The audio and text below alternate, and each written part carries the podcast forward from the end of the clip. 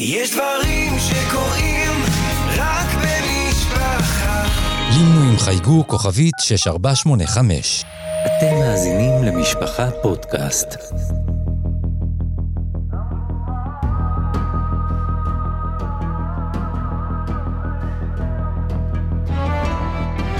מזרח תיכון דוקטור ליאור אלפרוביץ' יוצא למסע היסטורי בארצות האסלאם. בבוקר היום האחרון לחייו, השכים חוסיין אבן עלי קום. בנו השני של החליפה, עלי אבן אבו טלב ונכדו של מוחמד. הימים היו ימי שלהי הקיץ. השמש שעלתה ממזרח החלה להפיג את קור המדבר המקפיא. כשהוא תשוש ופצוע, יצא חוסיין מהאוהל והביט בחייליו של צבאו של החליפה יזיד, בנו של מועאוויה לבית אומיה, שעמדו סביב המחנה שהקים בסביבת העיר קרבלה, הנמצאת בלב עיראק של ימינו. בניסיון הראשון, כשל צבאו של יזיד לחסל את יושבי המעל. אחר כך הגיעה הפקודה להטיל מצור. מקורות המים נותקו, ושלושה ימים לא באו מים אל פיו של חוסיין. נאמניו שהיו עמו בדרכו לעיר קופה, שם נרצח אביו עלי, ומשם תכנן הוא, חוסיין, לצאת למתקפה שבסופה יחזיר את שלטון החליפות חזרה אל אהל אל בית, דהיינו למחק משפחתו של מוחמד, גבעו לאיתה מצמא. לא הרחק ראה חוסיין את גופת בנו, עלי אכבר בן ה-18, מוטלת על האדמה השוממה. את בנו התינוק קבר לאחר שחייליו של יזיד פגעו בו, כאשר עלה עמו על אחת הגבעות, מתחנן למעט מים. בנו עלי, היחידי שנותר באוהל, גסס, וקולות גניחותיו נבלעו בזעקות השבר של אנשים שכוננו על הסבל שסבלה סיעת נאמניו של עלי. בכוחותיו האחרונים, חדור באמונה, הלך חוסיין על סוסו. חרב בידו האחת וקוראן בידו השנייה, והסתער על הצבא שצפה בו מן הגבעות. ראו את בנה של פטימה, ראו את בנו של עלי, הלוחם בכם אחרי שלושה ימים של רעב, קרא בקול. אבל אז מכת רומח הפילה אותו מסוסו. כשהוא מוקף בפרשים שהגיעו מסוריה ללחום בו, בפקודת החליפה, שכב עלי על הארץ וראה את מנהליו של מפקדם מתקרבים אליו. הגיע העת לערוף את ראשך, אמר המפקד האומאי. ועלי הסתובב על גבו וקרא לאללה שיסלח לחטאיהם של אלו הרואים עצמם כנאמניו של מוחמד, סבו. ואז באבחה אחת נחתה מכת הברזל על עורפו. מכאן ימהר המפקד האומאי לדמשק כדי להגיש ליזיד תשורה על מגע של כסף, ובכך להעיד כי יחד עם ראשו של חוסיין, גם האיום שהטיל עשייתו של עלי על בית אומיה הוסר. לימים אגב, תספר המסורת השיעית שמדמשק המשיך הראש דרומה וסופו שנקבר באשקלון, באתר שעל אדמתו נמצא היום בית החולים ברזילי. בעוד בדמשק נשמעו בארמונו של החליפה קולות צהלה, נאמני סיעתו של עלי, שמעתה יקראו השיעים, שהיו מרוכזים בעיראק ובאיראן של ימינו, הכתירו עליהם את חסן, בנו של עלי. ומאז אותו יום, העשירי בחודש מוחרם, הוא יום האשורה, נוהגים השיעים בכל העולם לציין את מותו של חוסיין בקרב קרבלה. את הטקסים הללו מקיימים בתהלוכות של מאות ואלפים, המלקים את עצמם עד זוב דם. מעשה שהוא הצהרת נאמנות לחוסיין, האיש שלשיטתם הוא היורש החוקי והבלעדי של החליפות, שנגזלה ממנו ועליה מת בייסורים. הוא האימאם הראשון בשושלת של 12 אימאמים, מנהיגים החפים מכל חטא וטעות. האחרון שבהם נעלם בילדותו והוא עתיד להופיע באחרית הימים ולהביא צדק ושלום לעולם.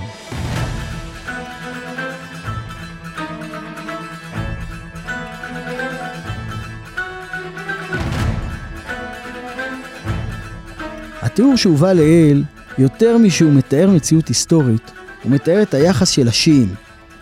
הם נאמני סיעתו של עלי כלפי אותו מאורע.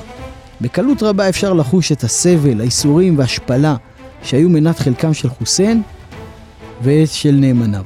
בקרב ההוא בקרבלה, שהתקיים בעשירי בחודש מוחרם בשנה ה-61 להג'רה, כלומר בראשית אוקטובר של שנת 680 למניינם. מכאן אפשר להבין עד כמה מסמל הקרב נקודת מפתח בהבנת היחסים בין השיעים לסונים במזרח התיכון. על כן, כדי להבין לעומק את רגע הפיצול של סיעת עלי והשפעתו על המזרח התיכון, אני פונה שוב לידידי דוקטור מרדכי קדר, מי שהיה בעבר איש המחלקה ללימודי המזרח התיכון באוניברסיטת בר אילן, איש חיל המודיעין ומומחה ידוע בתולדות האסלאם. השלום והברכה. בפרק היום אנו עוסקים בפיצול שבין השיעה לסונה. אשמח אם תיקח אותנו לרגע של הפיצול. תספר לנו, האם הוא נבע רק מוויכוח דתי, או שיש גם אינטרסים אחרים? הרגע הוא שהסחאבה של מוחמד, זאת אומרת, החברים, חוזרים מקבורתו של מוחמד. קברו אותו, כולם עצובים, כולם גם, הייתי אומר, אה, בהלם, כי זה היה פתאומי. זה לא היה מתוכנן, הוא עד יום קודם, הוא היה פעיל, הוא היה... לא ראו עליו שום סימן של... כנראה הוא מת בהתקף לב. אה, גדול, חזק, או דום לב, או משהו כזה, בלילה. ובבוקר אה, הם מתעוררים, אשתו, כן, עיישה, שאיתה הוא חי, הוא קר. זאת אומרת, הוא מת. והיא נותנת צרחה, כי זו הייתה הפתעה לא נורמלית.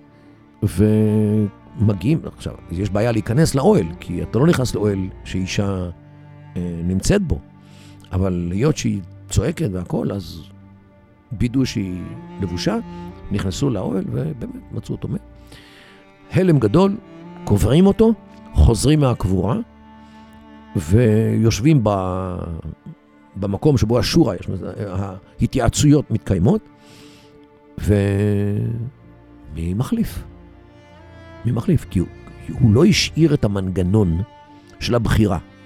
כל הקוראן הגדול וה, והסיפורים שמסתובבים סביבו, וההוראות שהוא נתן, מה שנקרא החדית', וכל הדוגמאות שהוא נתן והכל, לא היה שום דבר שעוסק באיך אתם, חבריי היקרים, תבחרו את המחליף שלי.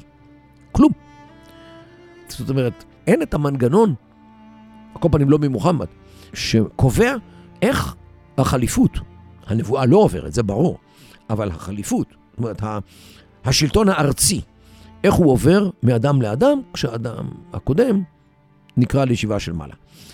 וההיעדר הזה פתח פתח להרבה מאוד מניפולציות, הרבה מאוד לחצים, הרבה מאוד בלגן, שעד היום הזה, עד ימינו, משליך על האסלאם.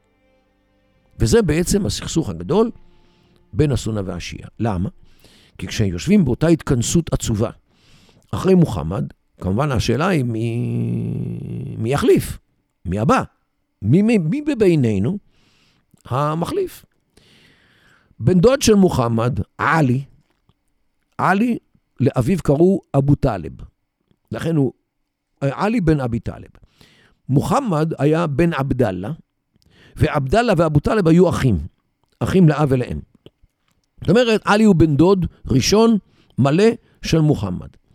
עכשיו, לא רק זה שהוא בן דודו, הוא גם היה איתו בהרבה מאוד uh, קרבות, היה איתו בהרבה מאוד עניינים, הגן עליו, אפילו במכה, כשניסו לרצוח יום אחד מוחמד, עלי ישן במיטתו, שכשבאו לרצוח את מוחמד, כמעט רצחו את עלי. הוא רק ישן הפוך, עם הראש בכיוון ההפוך, אז פגעו לו ברגליים ולא בראש. עד לכך עלי היה אה, נאמן למוחמד, היה אדם ש... ש...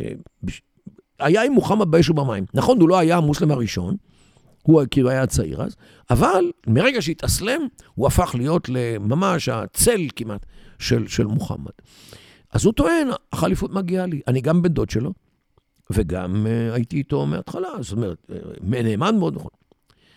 רק הוא היה צעיר. ובחברות ערביות, צעיר הוא לא שייח. שייח זה גם זקן בגיל, אבל זה גם זקן בחוכמה, בניסיון חיים, תבונה, אה, תכונות אנושיות, כריזמה, זה שייח. ולכן, הוא לא היה לו את התכונות הללו, אז אומרים לו, תחכה. יש מישהו אחר יותר חשוב ממך. מי? אבו בכר. אבו בכר, הוא היה המוסלמי הראשון, זאת אומרת, האדם, הגבר הראשון, שהכיר במוחמד כנביא.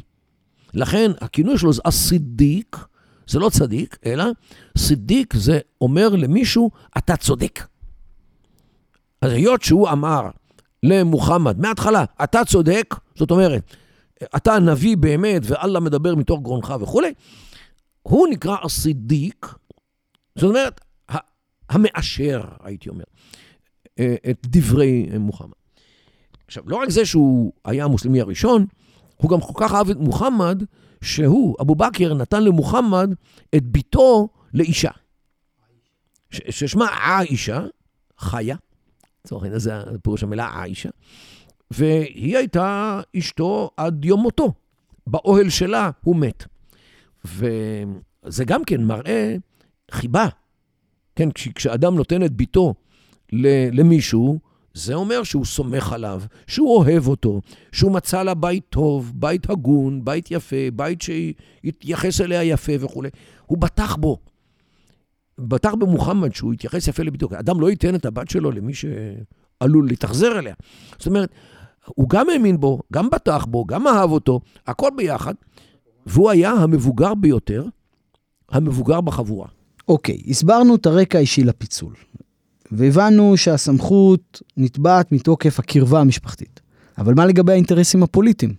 האסלאם, מרגע שנפרד מהנבואה של מוחמד, הפך להיות לעניין ארצי. עניין של שלטון, עניין של אינטרסים, ו- ובני אדם יש להם אינטרסים. והאינטרס הגדול ביותר, החזק ביותר, המוטיבציה, זה השליטה. ובחברות אה, ערביות, מדבריות, שליטה היא בעצם מסורתית, היא מי שורד ומי לא. למה? כי השולט שולט במים. והיות שהמים הם מוגבלים, כי זה מדבר, אז מי ששולט, שותה, ומי שלא שולט, אה, מתייבש. ככה זה, כי כשאין מספיק מים, אז השליט לא ייתן את זה לנשלט, הוא ישתה בעצמו, דבר ראשון. אם יישאר, ייתן לנשלט, ואם לא יישאר, אוקיי? לכן, תפיסתית במזרח התיכון, מי ששולט הוא מי ששורד. ולכן המאבק על השליטה הוא בעצם מאבק לחיים ולמוות. כשמגיע עכשיו הסכסוך של uh, בין עלי לבין האחרים, השבטיות או התכונות השבט, שהם לא נפרדו מהם מעולם, כיוון שהם חיו חברה מדברית שבטית, עולל מעל לפני השטח. הרצון לשלוט, היצר לשלוט, שהוא בלתי נשלט. זאת אומרת, היצר הזה הוא בלתי נשלט. אתה, אתה עושה הכל בשביל לשלוט, כולל להרוג אם צריך. זאת אומרת, שפה הסכסוך הזה, מהר מאוד גם הופך להיות לסכסוך אלים. והוא כמעט היה מלחמה ממש בין עלי לבין uh, האחרים, כמעט פרצה מלחמה עם חרבות ושפך דם לא נורמלי. ברגע האחרון זה נמנע, כי בכל זאת לא רוצים להגיע למצב כזה. אבל לכל תולדות האסלאם, השיעה היא בעצם הערעור על שלטון האחרים, אלה שלקחו, שתו אה, לשיעה את השלטון. כדי להצדיק את השיעה, הם מפתחים סיפורים שמוחמד הבטיח לעלי את השלטון.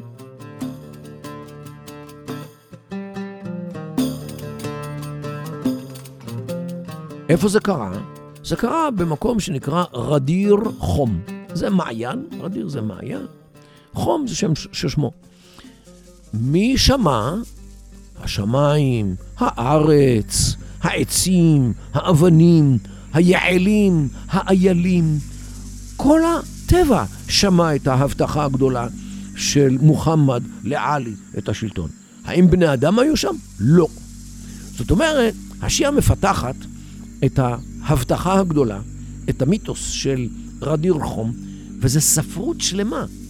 ממש ז'אנר ספרותי, סוגה ספרותית אדירה בשיעה, שטוענת את אותו טענה על ההבטחה הגדולה של מוחמד. הסונה אומרת שכל האירוע הזה, זה מה שאומרים בערבית, הפסך נשטעון, לא צריך נשאויס. לא מתחיל ולא נגמר. לא היה ולא נברא.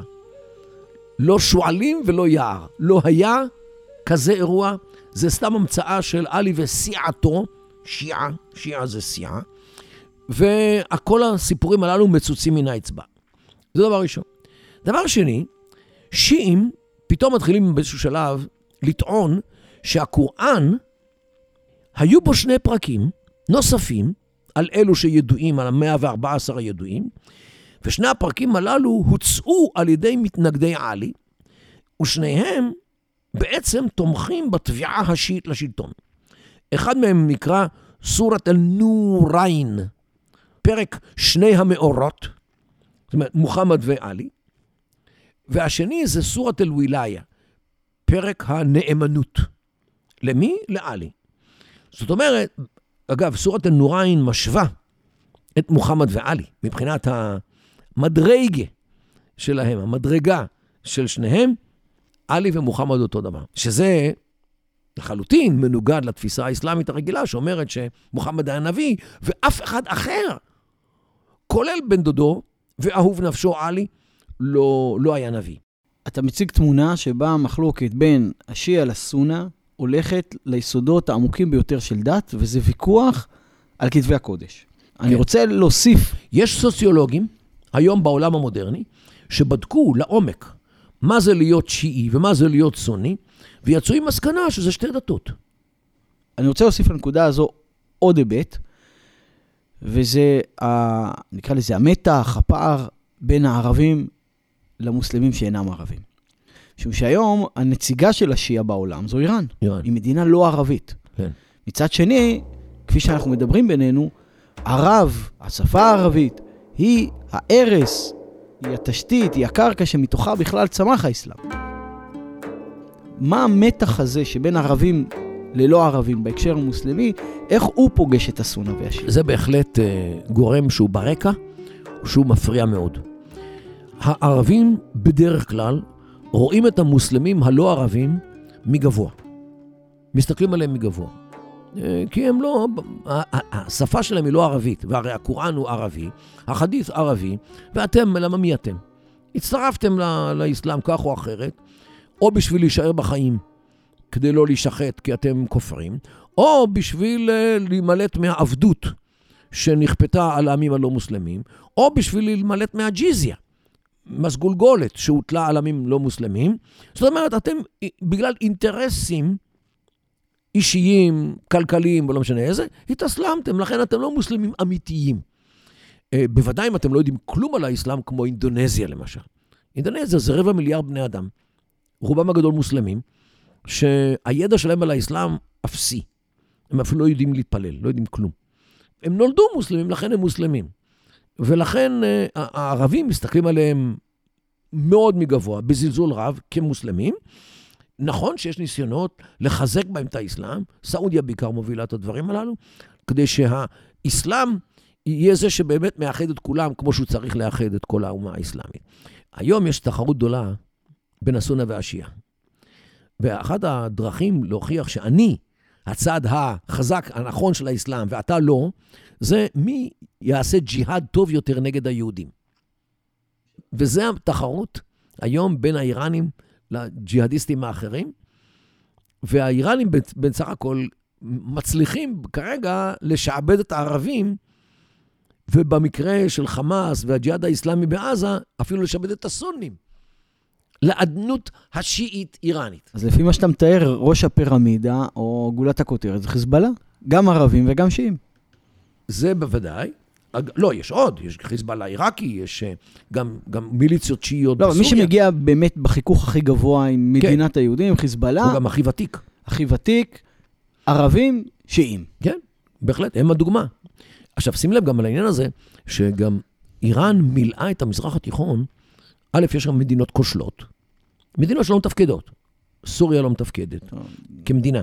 אה, לבנון, עיראק, תימן, לוב. תימן, סודאן, לוב. ולתוך המדינות הללו, איראן שותלת ארגונים. למה? כי ארגון, בניגוד למדינה, הוא לא כפוף לדין הבינלאומי. מדינה כן, כמו מדינת ישראל, כפופה לדין הבינלאומי. ובתי דין בינלאומיים, ומועצת הביטחון, וכל ה- והאו"ם, וכל הדברים הללו. ארגון לא, לא כפוף. כי הוא, כל הדין הבינלאומי חל על מדינות, לא על ארגונים. ולכן, איראן מילאה את המזרח התיכון בארגונים שיוכלו לעשות מה שבא להם. בלי שהיא וה, והארגונים צריכים לתת דין וחשבון בדין הבינלאומי. זאת אומרת, זה איזשהו תכנון שטני כזה, שככה הם פועלים נגדנו. הוא מתוחכם מאוד. לפי מה שאתה אומר בעצם, חיזבאללה מסתכל על האיראנים מלמעלה. כלומר, האיראנים רואים בחיזבאללה פרוקסי שלהם, אבל בתכלס חיזבאללה מסתכל ואומר, לא, הם בעצם מתחתיי, כי הם הלא ערבים. זה יד רוחצת יד. אבל בסוף יש איזו היררכיה לא. מסוימת. תראה, אה, נסראללה וקודמו, מוסאווי, הם הצדיעו לאיראנים עם שתי ידיים ושתי רגליים ביחד. הם לרגע אחד לא חדלו לשבח, לפאר, לרומם ולהדר את האיראנים על הסיוע שלהם ועל הכל. לא, ברור, אבל כשאתה רואה תמונה של נסראללה יושב ומעליו חומני ורוחני, אז תראה, ראינו את זה, למשל, יום אחד אסמאעיל הנייה אה, ביקר באיראן, וזה היה יום שישי. יום שישי הולכים למסגד לתפילה. עכשיו, התפילה השיעית קצת שונה מהתפילה, או סדר התפילה, שונה קצת מהסונה. והייתה שאלה האם הוא יכרע, כן, עם, ה, עם המצח, מה שנקרא סוג'וד, אה, עם המצח באדמה, כאשר הם עושים את זה, על פי המנהג שלהם או על פי המנהג הסוני. זו דוגמה אחת. דוגמה שנייה, האם הוא בכלל התפלל מאחורי אימאם שיעי. כי להתפלל מאחורי מישהו, זאת אומרת לקבל אותו כמנהיג. זה המונח בערבית. להתפלל אחרי מישהו, פירושו לקבל אותו כמנהיג. זה ה... זה, זה, כי למה? כי באסלאם מי שמוביל את התפילה זה לא מי שיש לו קול יפה, ולא מי שיודע את הנוסח, לא מי שיש לו יורצייט, ולא מי שיש לו שנת אבל. מי שמוביל את התפילה זה אך ורק המנהיג. המנהיג הפוליטי, שהוא גם מנהיג דתי. אין הפרדה בין פוליטיקה לדת באסלאם. ולכן, אם הנייה מתפלל מאחורי אימאם שיעי, מה זה אומר? הוא מקבל על עצמו את המהות. שקיבל את השיעה.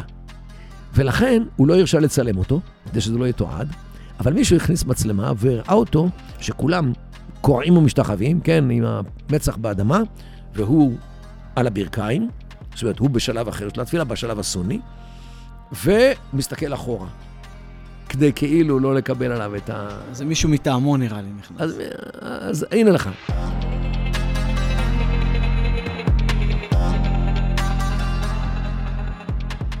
הזרם השיעי הוא השני בגודלו באסלאם. מספר מאמיניו מונים כיום כ-15% מכלל המוסלמים, שהם למעלה מ-200 מיליון נפש.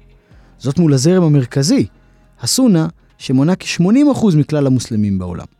כלומר, הדומיננטיות הסונית נשמרת, ובאופן מובהק על זו השיעית. הריכוז הגדול של השיעים נמצא באיראן, כ-70% מכלל האוכלוסייה במדינה. עליה נקדיש פרק מיוחד בהמשך. השיעים מהווים גם רוב בעיראק, בבחריין ובאזרבייג'אן. עוד שני מקומות בהם יש לשיעים נוכחות דומיננטית הם תימן, ששמם של השיעים הפך מוכר בישראל מאז פרצה מלחמת חרבות ברזל. והכוונה היא למורדים החות'ים, המאיימים על נתיבי השיט בים האדום, ואף שיגרו מספר טילים וכלי טיס לכיוון ישראל.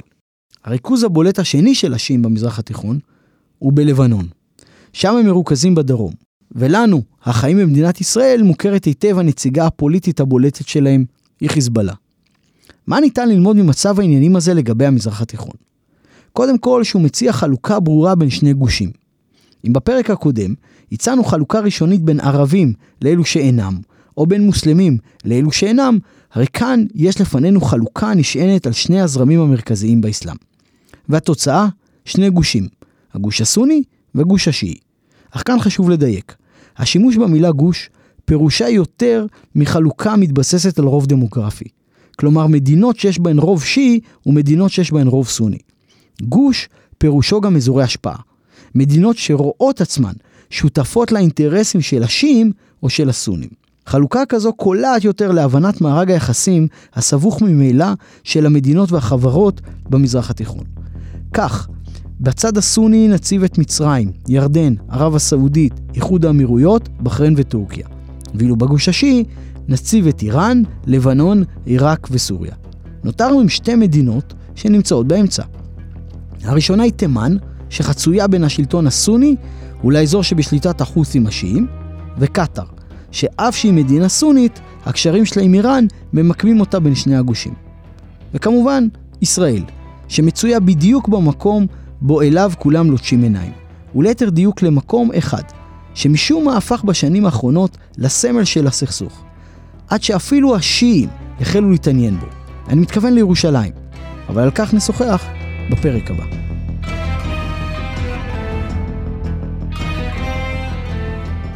האזנתם ל"המזרח התיכון", מסע היסטורי בארצות האסלאם מבית משפחה פודקאסט.